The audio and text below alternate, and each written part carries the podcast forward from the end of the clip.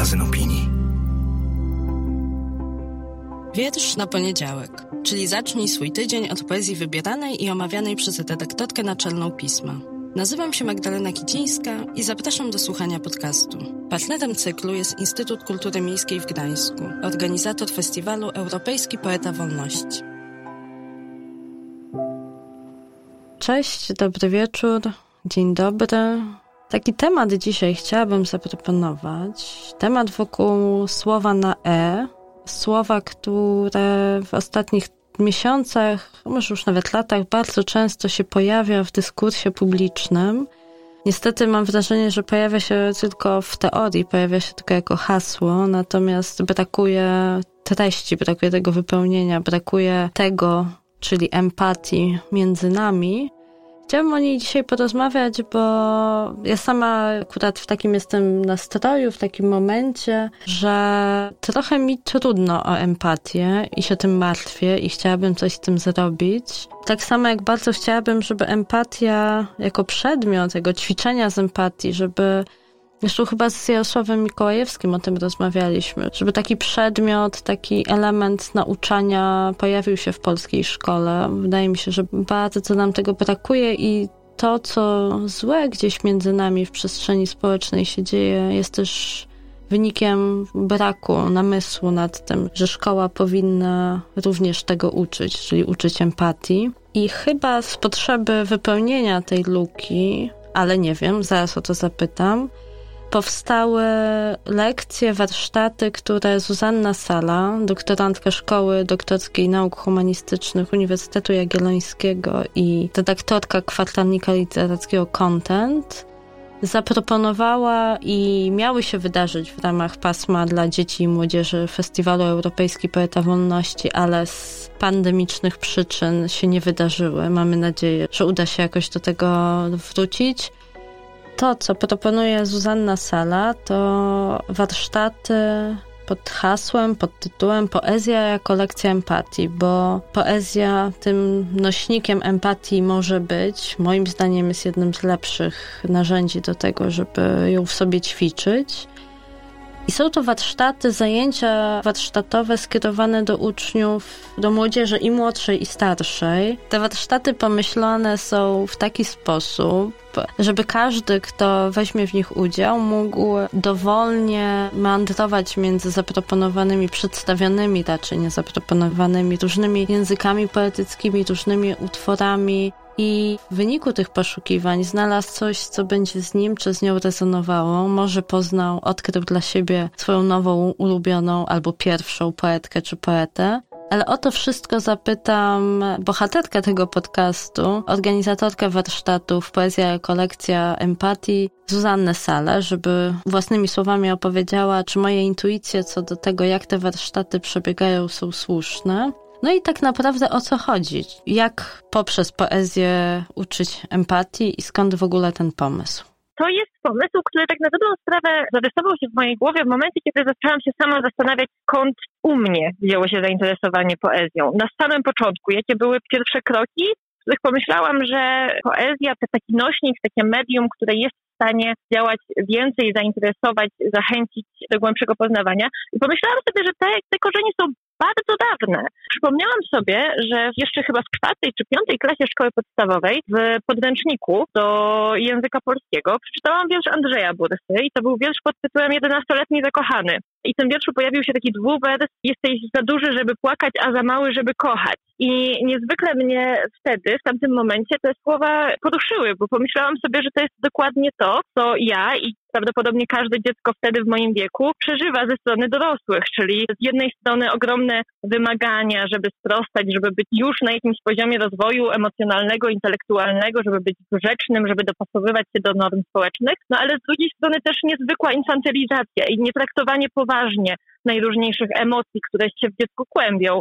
Pomyślałam sobie, że to jest taki pierwszy krok, absolutnie pierwszy krok do tego, żeby zobaczyć coś interesującego w literaturze, w poezji szczególnie, czyli bardzo naiwna lektura, ale jednocześnie potrzebna, bo właśnie sprowadzająca, czyli lektura, w której widzimy w jakiś tam sposób odbicie siebie. To zresztą miało przełożenie w późniejszych moich lekturach, jak byłam też młodszą nastolatką, zaczytywałam się po Światowskiej, tej wiersze miłosne wydawały mi się niezwykle poruszające, takie odbijające moje emocje. Dzisiaj już patrzę na te lektury zupełnie inaczej, z pewną dozą dystansu, ale wydaje mi się, że gdyby nie one, to nigdy nie doszłabym do tego momentu, w którym jestem teraz. Potem pomyślałam, że po takim pierwszym odbiciu, czyli po zobaczeniu swojego doświadczenia w literaturze, po zobaczeniu, że możemy przejrzeć się w poezji w takim kluczu emocjonalnym, możemy też zobaczyć, że ona przekazuje emocje, doświadczenia właśnie innych podmiotów, które niekoniecznie, których sytuacja podmiotowa niekoniecznie pokrywa się z naszą.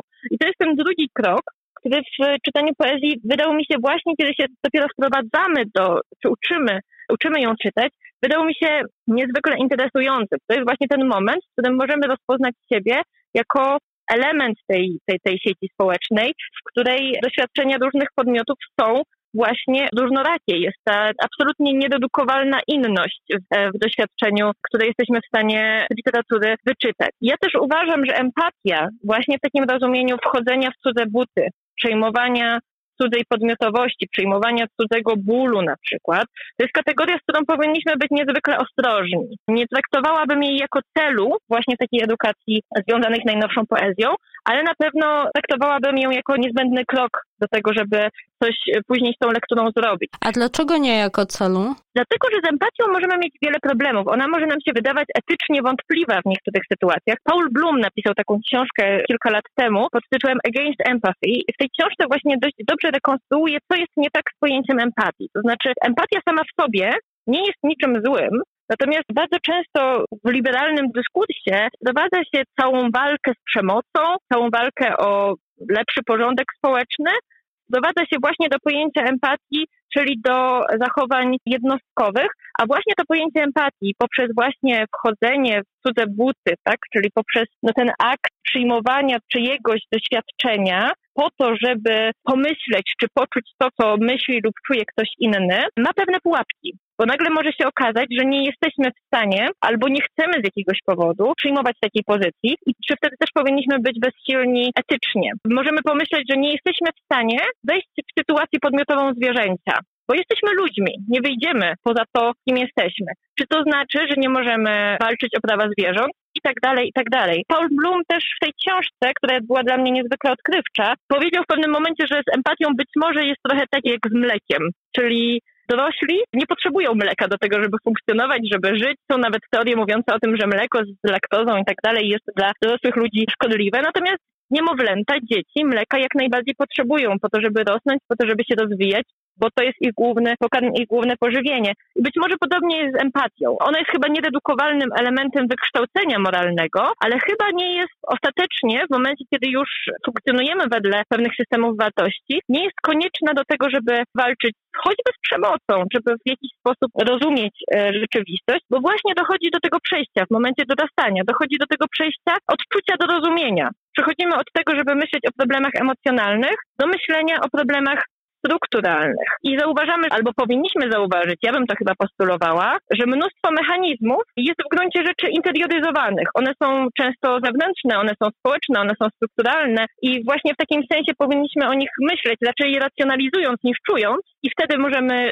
działać więcej jako jednostki w tym systemie, bo nie będziemy zrzucali winy na inne jednostki albo na siebie, ale nie zmienia to faktu, że po drodze ten element wykształcania empatii jest cały czas istotny. Właśnie zastanawiam się, słuchając tego, co pani mówi, czy w takim razie w ogóle możliwe, czy tylko postulowane jest nauczenie uczenie się empatii, nawet na tym, czy zwłaszcza przede wszystkim w tym młodym wieku. I właśnie, jeżeli jest możliwe, to co trzeba zrobić? Czy są jakieś predyspozycje do tego, żeby się na empatię otworzyć? Czy mówiąc w dużym uproszczeniu, każdy może być empatyczny? Chyba wierzyłabym, że tak. To znaczy, moje też doświadczenie wprowadzenia różnych zajęć właśnie w takim kluczu poezji jako drogi do tego, żeby otworzyć się na empatię, ale też literatury szerzej, troszeczkę to pokazują. Wiem, że to mniej poetycki temat, ale prowadziłam swego czasu w głównej księgarni naukowej w Krakowie takie zajęcia właśnie dla młodzieży ze szkoły podstawowej, w których rozmawialiśmy o książkach młodzieżowych. To były głównie powieści albo komiksy. Natomiast całe zajęcia sformułowałam w ten sposób, że przerobiłam pewne ćwiczenia antydyskryminacyjne w taki sposób, że podstawiłam za bohaterów tego ćwiczenia antydyskryminacyjnego bohaterów książek młodzieżowych. W ćwiczeniu chodziło o to, żeby każdy z uczestników wyobraził sobie, że zamierza przejechać trasę koleją transsyberyjską, podróż będzie trwała tydzień i w ten tydzień musi spędzić razem z trzema innymi osobami w wagonie kuszetkowym.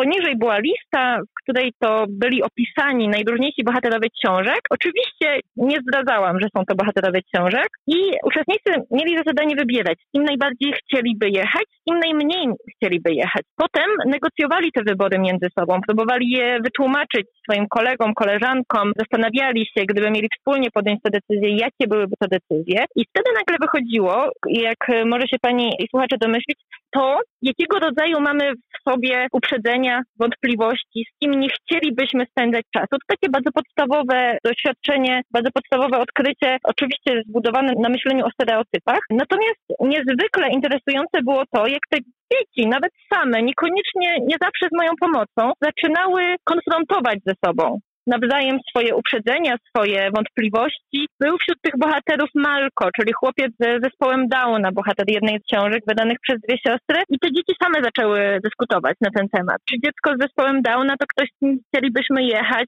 Inne dzieci zaczęły opowiadać, jak to jest, bo mają kogoś w rodzinie, mają kogoś spośród znajomych, kto właśnie na zespół Downa cierpi. I w ten sposób naprawdę otwierały się nowe przestrzenie do tego, żeby dyskutować o tym, na co się otwierać, jak rozumieć pewne zachowania, pewne wątpliwości. I one otwierały się na moich oczach. To było niezwykle satysfakcjonujące. Wydaje mi się, że da się to w ten sposób właśnie, za pomocą takich praktyk czysto dyskursywnych ostatecznie, kultywować i rozwijać i próbować doprowadzać do tego, żeby tę empatię pielęgnować w sobie i w innych. A jak to robić poprzez poezję? Poezja? Poezja jest niezwykłym medium. Znaczy, ja zawsze tutaj, jak mantrę powtarzam w kolejnych odcinkach tego podcastu, że dla mnie poezja jest jednym z najważniejszych nośników empatii, takich narzędzi do budowania jej w sobie, czy do pielęgnowania jej w sobie bo ja czasami, mimo że dorosła, to mleko piję, więc czasami też potrzebuję trenować coś, co wydawałoby się, że już powinno we mnie być wypracowane. Natomiast zastanawiam się właśnie, jak i na jakich tekstach pani pracuje, na jakich tekstach poetyckich z młodzieżą i jak młodzież na poezję reaguje, bo też z kolei jak mantrę powtarzam z drugiej strony, że wiem, że poezja w większości polskich szkół, sal lekcyjnych przedstawiana jest w taki sposób, że raczej się do niej zniechęcamy niż przywiązujemy i potem z pewnym, może nie traumą, ale z pewnym zniechęceniem dorosłym życiu taki mamy stosunek dosyć niechętny i ostrożny, mówiąc najłagodniej, do tekstów poetyckich.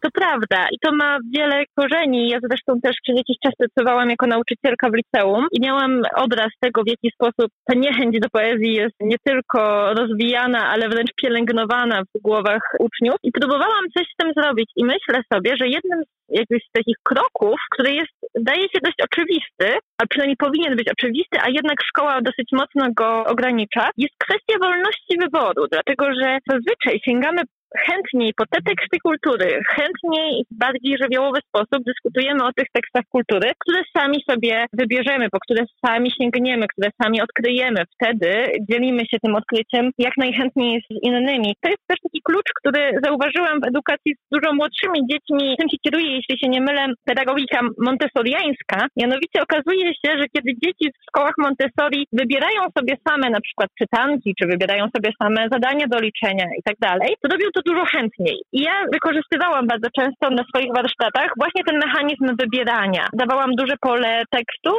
pozwalałam uczestnikom warsztatów krążyć między tymi tekstami. Jeżeli coś przykuwało ich uwagę, to je wybierali, wybieraliśmy je wspólnie, rozmawialiśmy o nich razem, pracowaliśmy na nich na różne sposoby. Natomiast to faktycznie był ten element, który pobudzał na początku niezwykle do tego, żeby o tej poezji rozmawiać, bo kiedy oni nagle mogli, nawet z ograniczonej puli, narzucanej w jakiś tam sposób przeze mnie, wybrać coś, co ich zaintrygowało, okazywało się nagle, że dyskutują o tym dużo bardziej żywiołowo, że to zdecydowanie bardziej do nich trafia. No i ja oczywiście najchętniej na takie warsztaty przynoszę poezję absolutnie najnowszą, dlatego że wiem, że to jest coś, z czym dzieci właśnie w szkole się nie stykają albo stykają w bardzo ograniczonym trybie. Co się okazuje, jakie wiersze bardzo często i bardzo chętnie wybiera młodzież młodsza lub starsza na takich zajęciach. Na przykład Ilona Witkowska jest taką poetką spośród tych najnowszych poetów. Ona jest taką poetką, która faktycznie pokazuje doświadczenie najróżniejszych podmiotów, łącznie z próbą pokazania doświadczenia podmiotów zwierzęcych, w takim trybie, który w takiej prostocie, w takiej minimalistycznej formie, a jednocześnie tak trafnie i nierzadko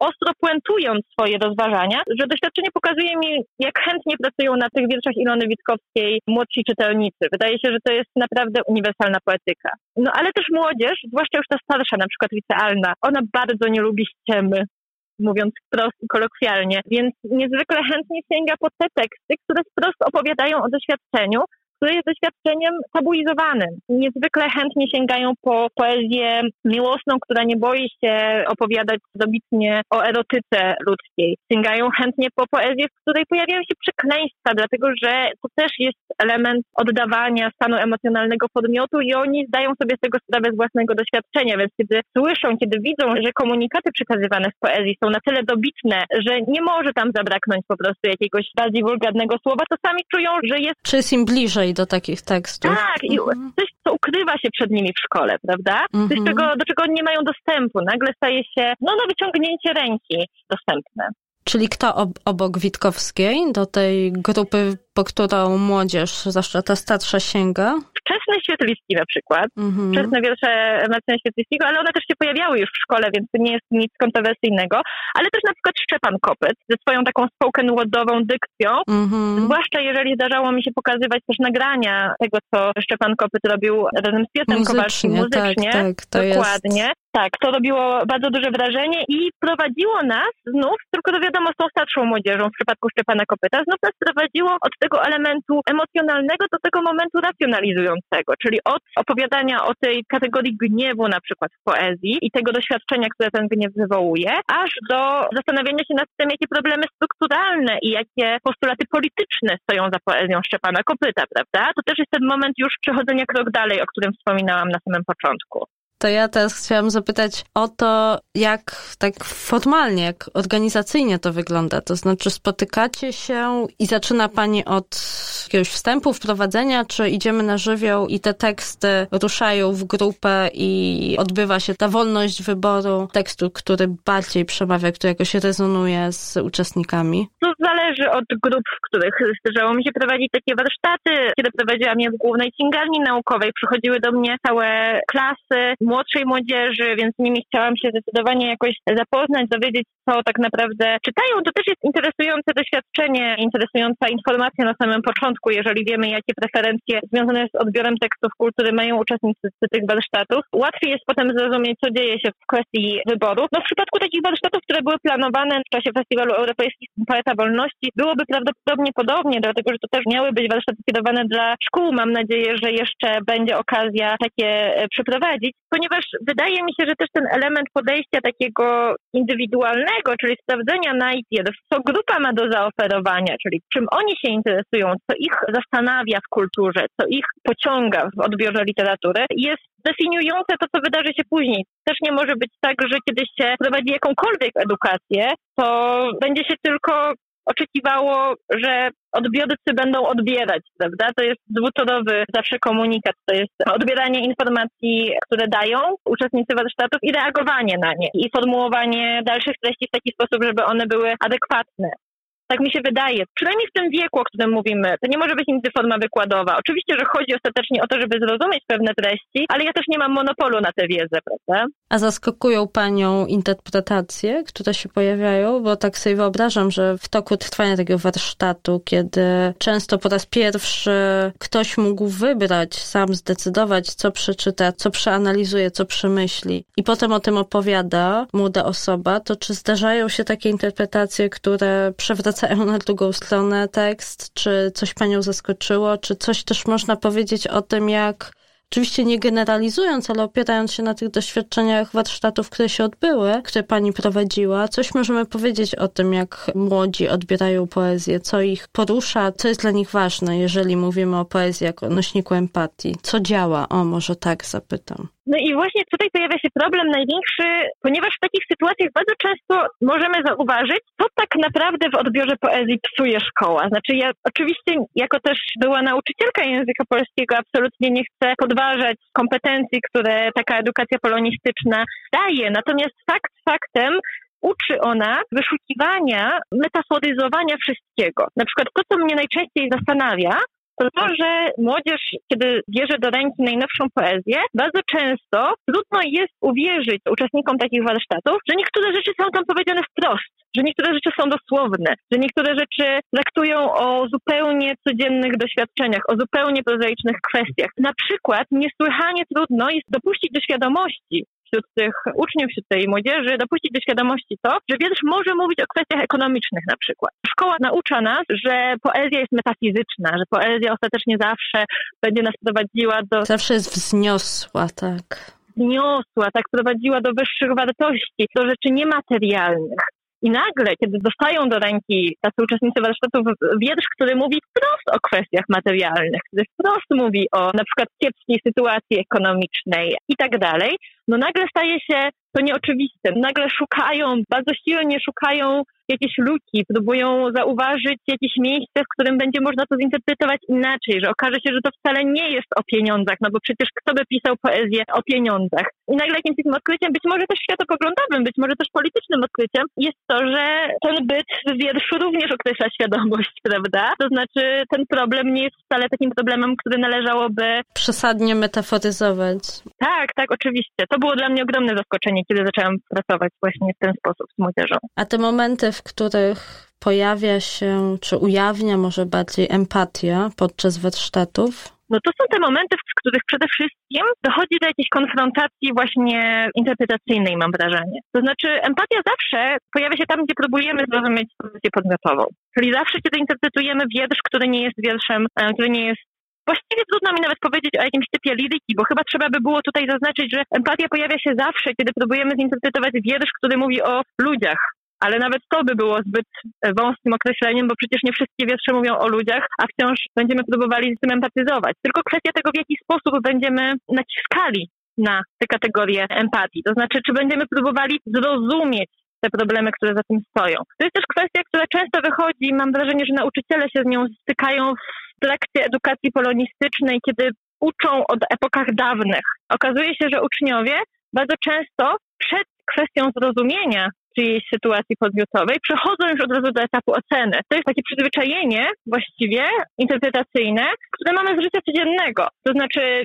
nie wiem, wielką bolączką nauczycieli języka polskiego jest to, że, nie wiem, uczniowie nie potrafią zrozumieć na przykład legendę o świętym Aleksym, bo święty Aleksy wydaje im się absurdalną postacią, która nie ma prawa w ogóle funkcjonować. Podobne sytuacje możemy znaleźć nawet w nowszej poezji. Możemy pokazać właśnie wiersze Ilony Witkowskiej, które opowiedzą o sytuacji na przykład imigrantów, którzy toną na Morzu Śródziemnym. I możemy się zastanowić, co wtedy, jak podejść do tego problemu, czy próbować zanim oceniać tę sytuację z perspektywy właśnie nas, bo nigdy nie przestajemy być nami, zanim ją oceniać, może najpierw spróbować wyjść poza swoją sytuację podmiotową i zrozumieć drugą osobę, zrozumieć drugiego człowieka. Wtedy dochodzi do tych dyskusji, czy od razu oceniać, czy najpierw spróbować no, troszeczkę wejść właśnie w cudze buty. I to są najbardziej płodne właśnie emocjonalnie, ale później też nawet tak racjonalnie momenty tego typu zajęć. A są skłonni do tego, żeby właśnie wyjść poza ocenę, tylko zrobić ten krok wstecz i spróbować z różnych perspektyw, pod różnym kątem spojrzeć na historię, na, na opowieść, którą dany wiersz niesie? To jest bardzo trudne to nie jest też kompetencja, której powinniśmy chyba z marszu wymagać od wszystkich, bo to jest właśnie coś, czego próbujemy się uczyć. Więc ja się staram, wydaje mi się, że moją rolą w przypadku tego typu zajęć jest właśnie to, żeby zadawać pytania, które budzą wątpliwości, żeby wchodzić tam i siać właśnie jakieś ziarno wątpliwości, żeby zastanawiać, żeby dopytywać, żeby pokazywać już od drugiej strony, ale najciekawiej jest wtedy, kiedy oni sami zaczynają to sobie nawzajem robić. Ja się mogę odsunąć w kąt i tylko czasami klaczyć z tymi wątpliwościami, bo przecież nie mówimy tutaj o osobach, które są zupełnie wyłączone spoza życia społecznego. Nawet jeżeli mówimy jeszcze o uczniach szkoły podstawowej, tych późniejszych klas, to są to osoby, które już na tym etapie wynoszą z domu, ze szkoły, podwórka poglądy, które ostatecznie są poglądami politycznymi. One się kształtują i nawzajem te dzieci potrafią sobie podważać swoje spojrzenia. To są najciekawsze momenty. One oczywiście nie zawsze się zdarzają.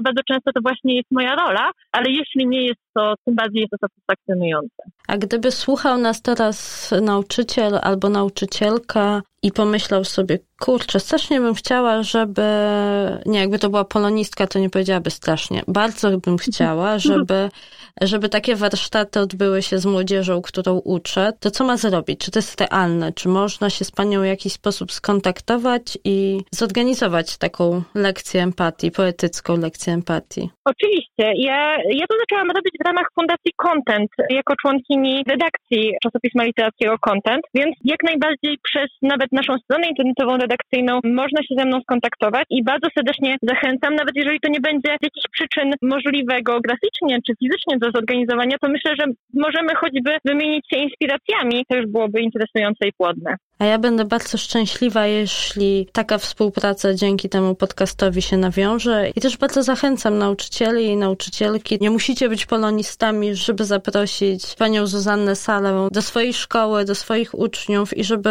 spróbować i też może samemu czy samej wziąć udział w takim wydarzeniu, bo myślę, że warto. Empatia jest towarem deficytowym, wydaje mi się, i dlatego może teraz w ostatnich tygodniach jeszcze bardziej nam jej potrzeba i jeszcze więcej musimy zrobić, żeby, żeby się wyłoniła, żeby ją gdzieś sobie obudzić, przypomnieć sobie, albo jeśli chodzi o, o, o młode osoby, żeby ją do siebie zaprosić, odkryć to narzędzie, też narzędzie bycia z drugim człowiekiem i narzędzie bycia w rzeczywistości. Bardzo Pani dziękuję za rozmowę, za poświęcony czas. Słuchaczom i, i słuchaczkom w ramach pracy domowej albo zachęcenia do tego, żeby właśnie spojrzeć na tekst może z innej strony i zastanowić się nad sytuacją podmiotową. Polecam wiersze wspomnianych przez Panią Zuzannę Salę autorów, bo i Ilona Witkowska i Szczepan Kopyt gościli na łamach pisma, więc na naszej stronie można znaleźć ich teksty, można znaleźć interpretacje w formie audio, aktorzy, lektorzy czytają, czytają je dla Was. Bardzo polecam i zachęcam do, do takiej nawet własnej, małej, zaimprowizowanej gdzieś pomiędzy różnymi innymi ważnymi wydarzeniami w ciągu dnia lekcji empatii z poezją. Bardzo dziękuję. Ja także bardzo dziękuję.